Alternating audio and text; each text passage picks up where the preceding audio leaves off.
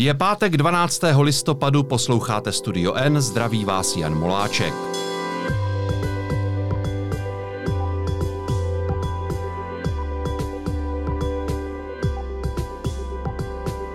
Dnes o akci, která se koná v Praze a velmi se nelíbí čínské ambasádě.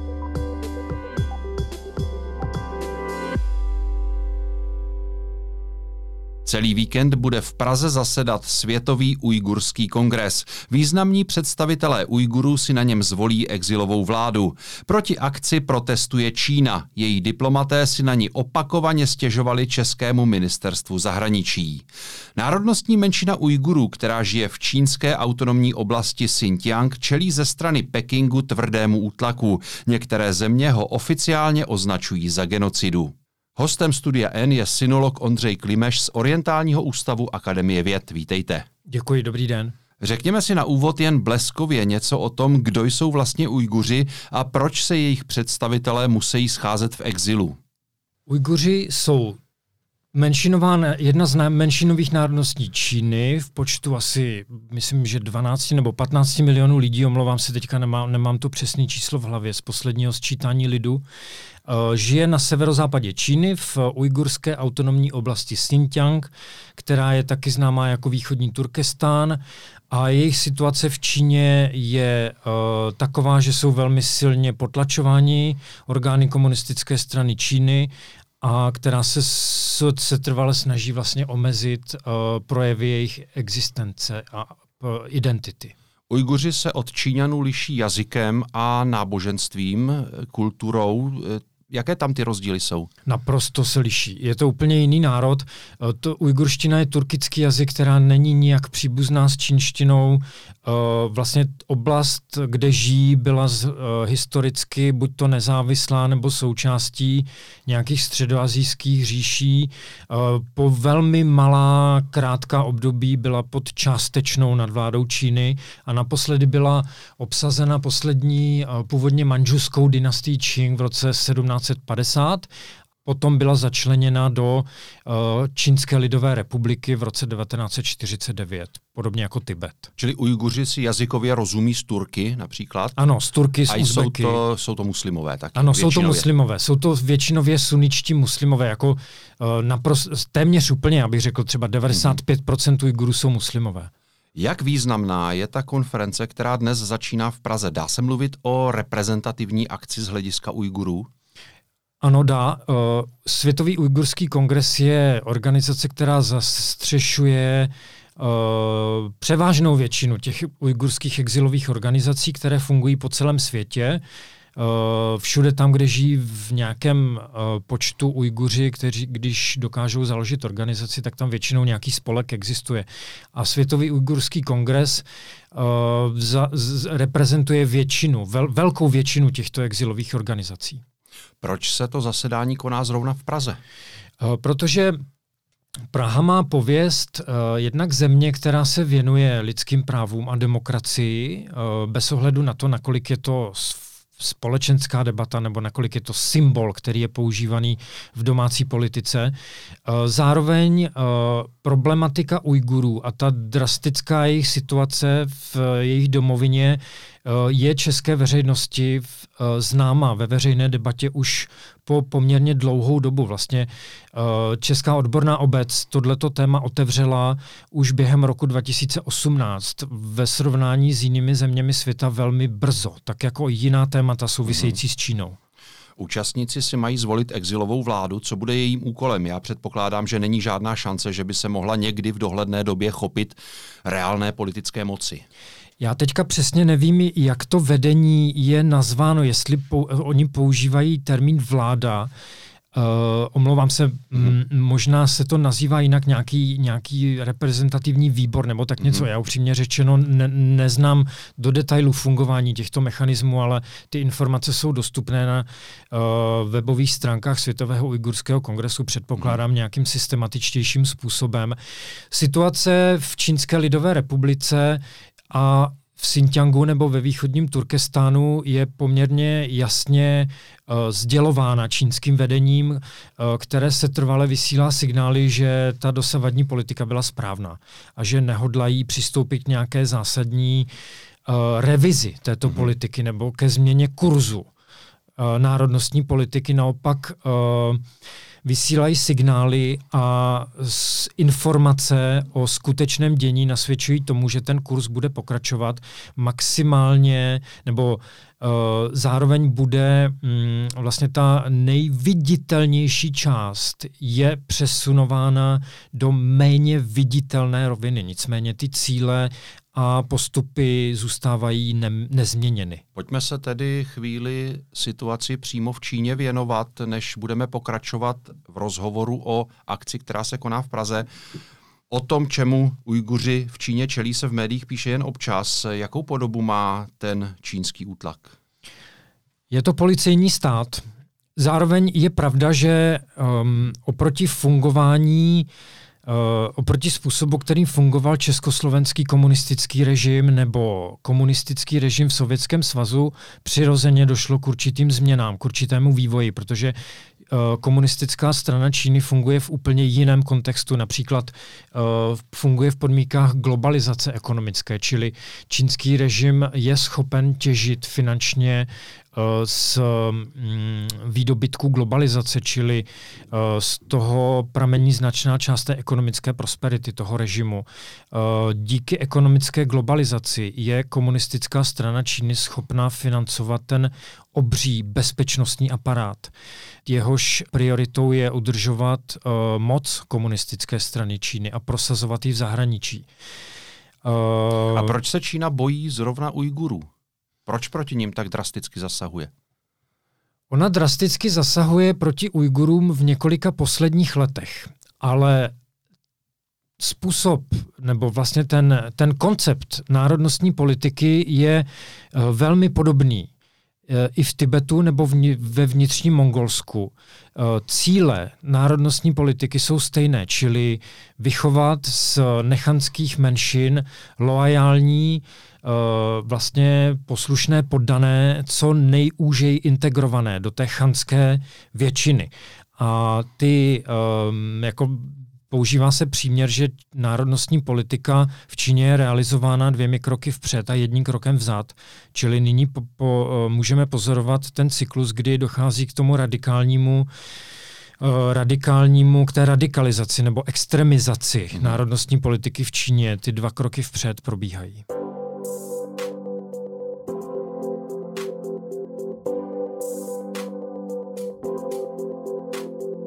Je možné získat o situaci v tom Xinjiangu nezávislé informace. Pro zahraniční novináře není snadné se do té oblasti vůbec dostat, na tož tam nějak svobodně pracovat.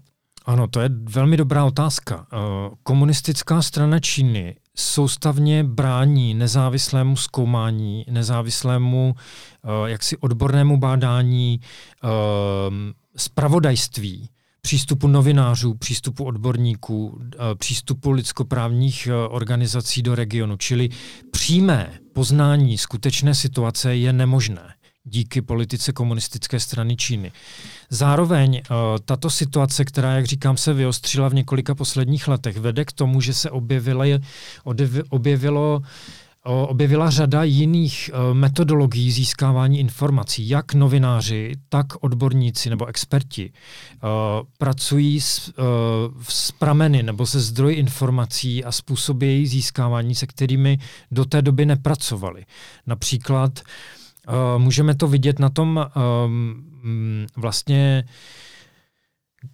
jako zkoumání té situace ohledně například počtu zadržených v těch politických převýchovných táborech a jiných typech detencí uh, a věznic. Uh, jedním z takových pramenů jsou uh, oficiální dokumenty čínské vlády, jak tedy verbální nějaká sdělení propagandistického ražení, hmm. tak například tendry Relativně novým zdrojem informací jsou také satelitní snímky. Ty občas proběhnou médií, na kterých jsou vidět ta, eh, ta zařízení, ty koncentrační tábory. Eh, kolik jich je, jaké jsou v nich podmínky? Ví se tohle to přesně, nebo jsou nějaká svědectví třeba lidí, kteří od tamtud uprchli nebo se dostali do zahraničí? Ano, svědectví satelitní snímky jsou um, jsou dalším z těchto způsobů získávání informací, jak říkáte správně. Eh, kolik těchto zařízení je? Eh, odhady jsou různé, záleží, co považujeme za zařízení. Je jasné, že v poslední době eh, tento systém detencí a převýchovných táborů je integrován se systémem nucených prací, který je Eh, částečně prezentován jako ten boj Číny s chudobou. Čili když Čína loni oznámila, že odstranila chudobu, tak odstraňování chudoby v Xinjiangu prakticky vypadá tak, že ti lidé jsou nuceni do, prá- do práce, jak přímými nátlakovými metodami, tak ovšem celým tím kontextem, kdy vlastně uh, ono to není na první pohled vidět, ale oni, ten čínský stát, prostě je všudy přítomná realita a všichni Ujguři a všichni jiní občané ČLR jsou si toho už 70 let velmi jasně vědomi. Čili podle toho taky um, se chovají. Kolik těch táborů je? Určitě jsou to stovky, některé odhady hovoří až uh, o číslech o několika tisících. A jak říkám, celý tento systém se cál, dále zdokonaluje, integruje uh, s tím systémem prostě továren a výrobních zařízení. Dá se skutečně mluvit o genocidě? Probíhá v těch táborech skutečně vyhlazování části ujgurského národa? Další dobrá otázka, na, které, na kterou bohužel není v kratších mediálních vystoupeních často čas, nicméně byla souvisle pojednána v mnoha článcích. Já zastávám názor, že genocida v Xinjiangu probíhá. V tom smyslu, že eh, čínský režim eh, dlouhodobě usiluje o uh, znemožnění existence ujgurského svobodného národa, jakožto svébytné, samostatné, živoucí komunity s vlastním jazykem, eh, náboženstvím, identitou. Je to eh, systematické úsilí, které je realizováno dlouhodobě s jasným záměrem znemožnit tuto existenci. To je k jednomu bodu, například té právní definice genocidy. Potom e, například podle mého názoru není pochyb o tom, že čínský režim vědomně, záměrně způsobuje cílený psychologický, psychologickou újmu Ujgurům. Jak doma v Xinjiangu můžeme to vidět i na takzvané transnacionální represi právě uh, Eh, která je vedena proti členům diaspory, například proti mnohým účastníkům probíhajícího svět, zasedání Světového ujgurského kongresu, kteří jako jiní Ujguři v, žijící v zahraničí se setkali s různými formami nátlaku, obtěžování, jak fyzickými, prostě jako hmm. lidmi, pracovníky hmm. bezpečnostních služeb, nebo uh, na sociálních médiích a tak dále. Čímž se dostáváme eh, obloukem zpátky k té pražské akci. Čína proti ní protestuje. Jak intenzivní je ten odpor? Obecně Čína jaksi silně protestuje proti akcím Ujgurského kongresu, protože je to uh, vlastně mechanismus, který nebo je to, je to uh, činnost, která vlastně přímo vyvrací tu čínskou verzi toho, nebo tu čínskou prezentaci té, toho problému. Je to srovnatelné třeba s čínským odporem proti mezinárodním akcím vstřícným vůči Tchajvanu? Je ten problém pro Čínu nebo z pohledu Číny e, obdobný? Ano, je to stejná písnička. E, Čína se vymezuje proti v zahraničí e, proti aktivistům za práva Ujgurů, Tibetanů, za demokratický nebo za um, prostě v otázce Tajvanu za demokratizaci i proti aktivistům například ve prospěch Falun Gongu. Tyto všechny roviny pro čín, čínský režim považuje za bezpečnostní riziko a jako takovým proti ním postupuje. Ona dokonce, myslím teď Čína, dokonce ten Světový ujgurský kongres, tu organizaci oficiálně označuje za teroristickou organizaci. Má to nějaký reálný podklad nebo je to jenom propaganda? Nemá, je to propaganda. Uh, například předseda Světového ujgursu, u, ujgurského kongresu Dolkun Isa je německým občanem, není nějakým způsobem jaksi postihován německými bezpečnostními složkami. Kdyby byl terorista, tak by se to z největší pravděpodobností dělo. Čína označuje za teroristy například i Dalaj Lámu. Mimochodem, eh, tato vlastně to, že eh, čínsk, tvrzení čínského režimu jak si uh, se míjejí s realitou. Dobře vyplývá z memoáru Ujgurky paní Gilbahar, který byl publikován nakladatelstvím Rybka Publishers. Ta kniha se jmenuje Přežila jsem čínský gulag. Tam je opakovaně napsáno, že byla, když byla uvězněna bezdůvodně v čínském převýchovném táboře, tak byla označována jako teroristka. A i když je to normální občanka, která se ani o politiku nikdy nijak nezajímala.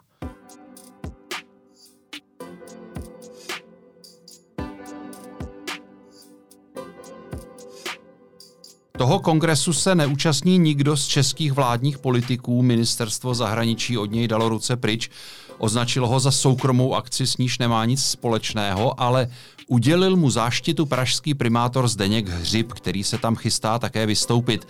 Čína proti tomu protestuje. Jaká bude její další reakce? Těžko spekulovat. Um, já si obecně myslím, že to, jak čínská, uh, čínské orgány na tyto akce reagují, je jednak um, takzvaně prediktabilní a jednak to není příliš důležité. To bylo jednak eh, to bylo dobře vidět i na té čínské reakci eh, při té návštěvě těch tajvanských delegací v minulosti. Mm. Já, já si myslím, že ta čínská, reakce čínské ambasády je poměrně formální a jedná se o to, jakým způsobem české subjekty komunikují s tajvanskými subjekty nebo jakým způsobem prostě Ujguři tady si řeší své vnitřní záležitosti a nějaké pokusy, eh, neúspěšné pokusy o vměšování se do těchto záležitostí s čínské čínské strany myslím si, že není potřeba dále komentovat. Má Čína možnost nějak ekonomicky na to reagovat? Ona e, v případě třeba návštěvy předsedy Senátu vystrčila nad Chajvanu, podnikla nějaké kroky, zrušila nějaké zakázky pro české firmy. Očekáváte, že něco takového se může opakovat?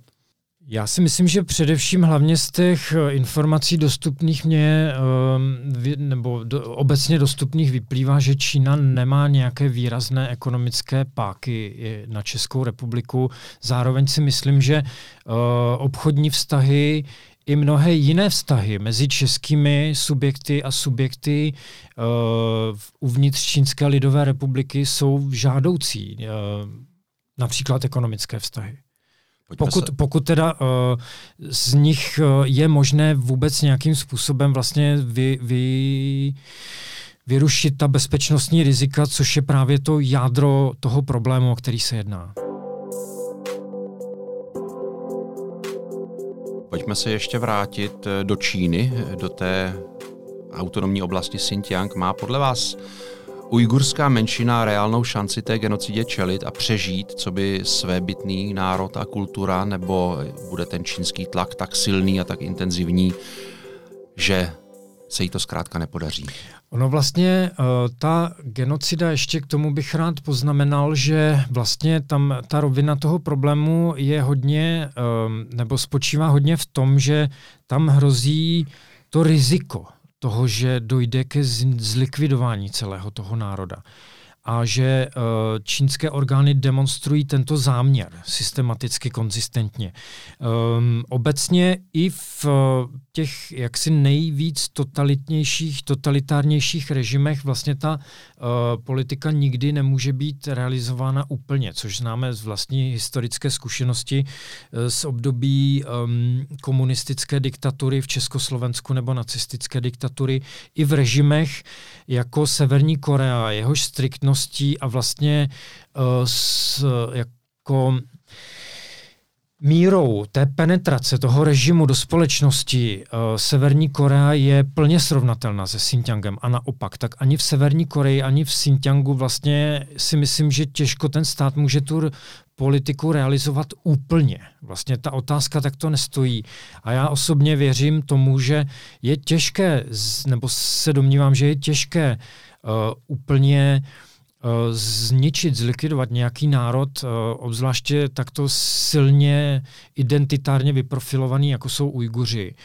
A uh, i když tedy ten um, velmi mocný čínský stranický stát toto usiluje všem možným způsobem. Má svět nějakou možnost Ujgurům pomoci?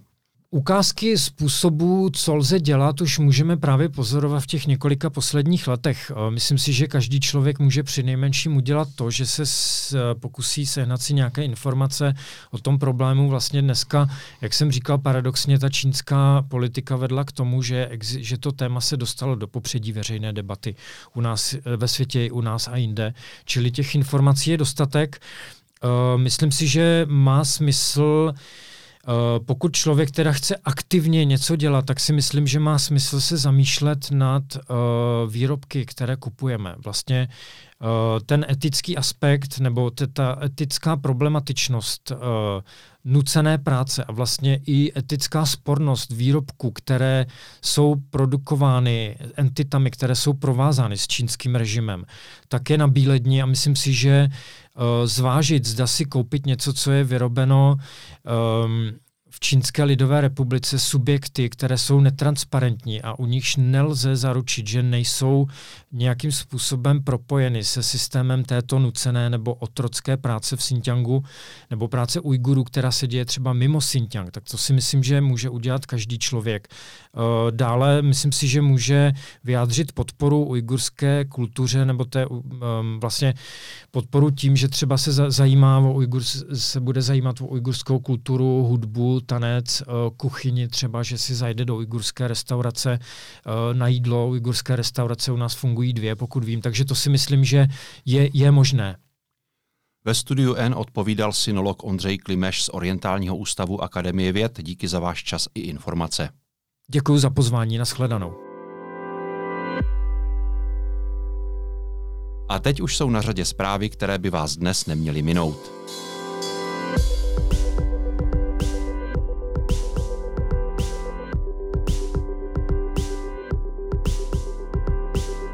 Základních a středních školách proběhne přes příští a potom následující pondělí antigenní testování. Rozhodla o tom vláda, chce tak zbrzdit aktuální vlnu pandemie.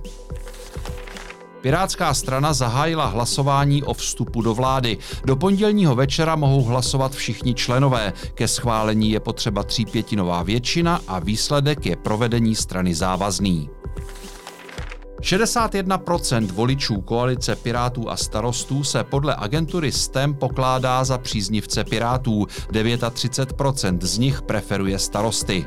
Obě strany ale ve volbách dopadly opačně, protože voliči starostů výrazně více kroužkovali. Od pondělí bude v nemocnicích pomáhat prvních 40 vojáků. Armáda oznámila, že žádosti o pomoc se zvládáním epidemie dostává především z nemocnic na Moravě. Organizace pomáhající chudým v Ústeckém kraji hlásí zatím relativně malý zájem o odpuštění dluhů v rámci takzvaného milostivého léta. Lidé podle sociálních pracovníků nemají ani na zaplacení jistiny, což je podmínka.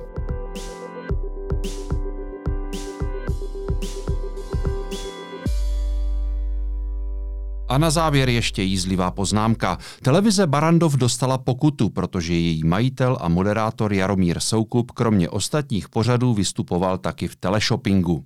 Což o to 75 tisíc asi Soukup zaplatí bez mrknutí oka, ale že v jeho televizi běží pořad, ve kterém se nebude smět ukázat, toho asi bude bolet podstatně víc. Pro dnešek i celý tento týden je to ze studia N vše. Užijte si víkend, loučí se Jan Moláček.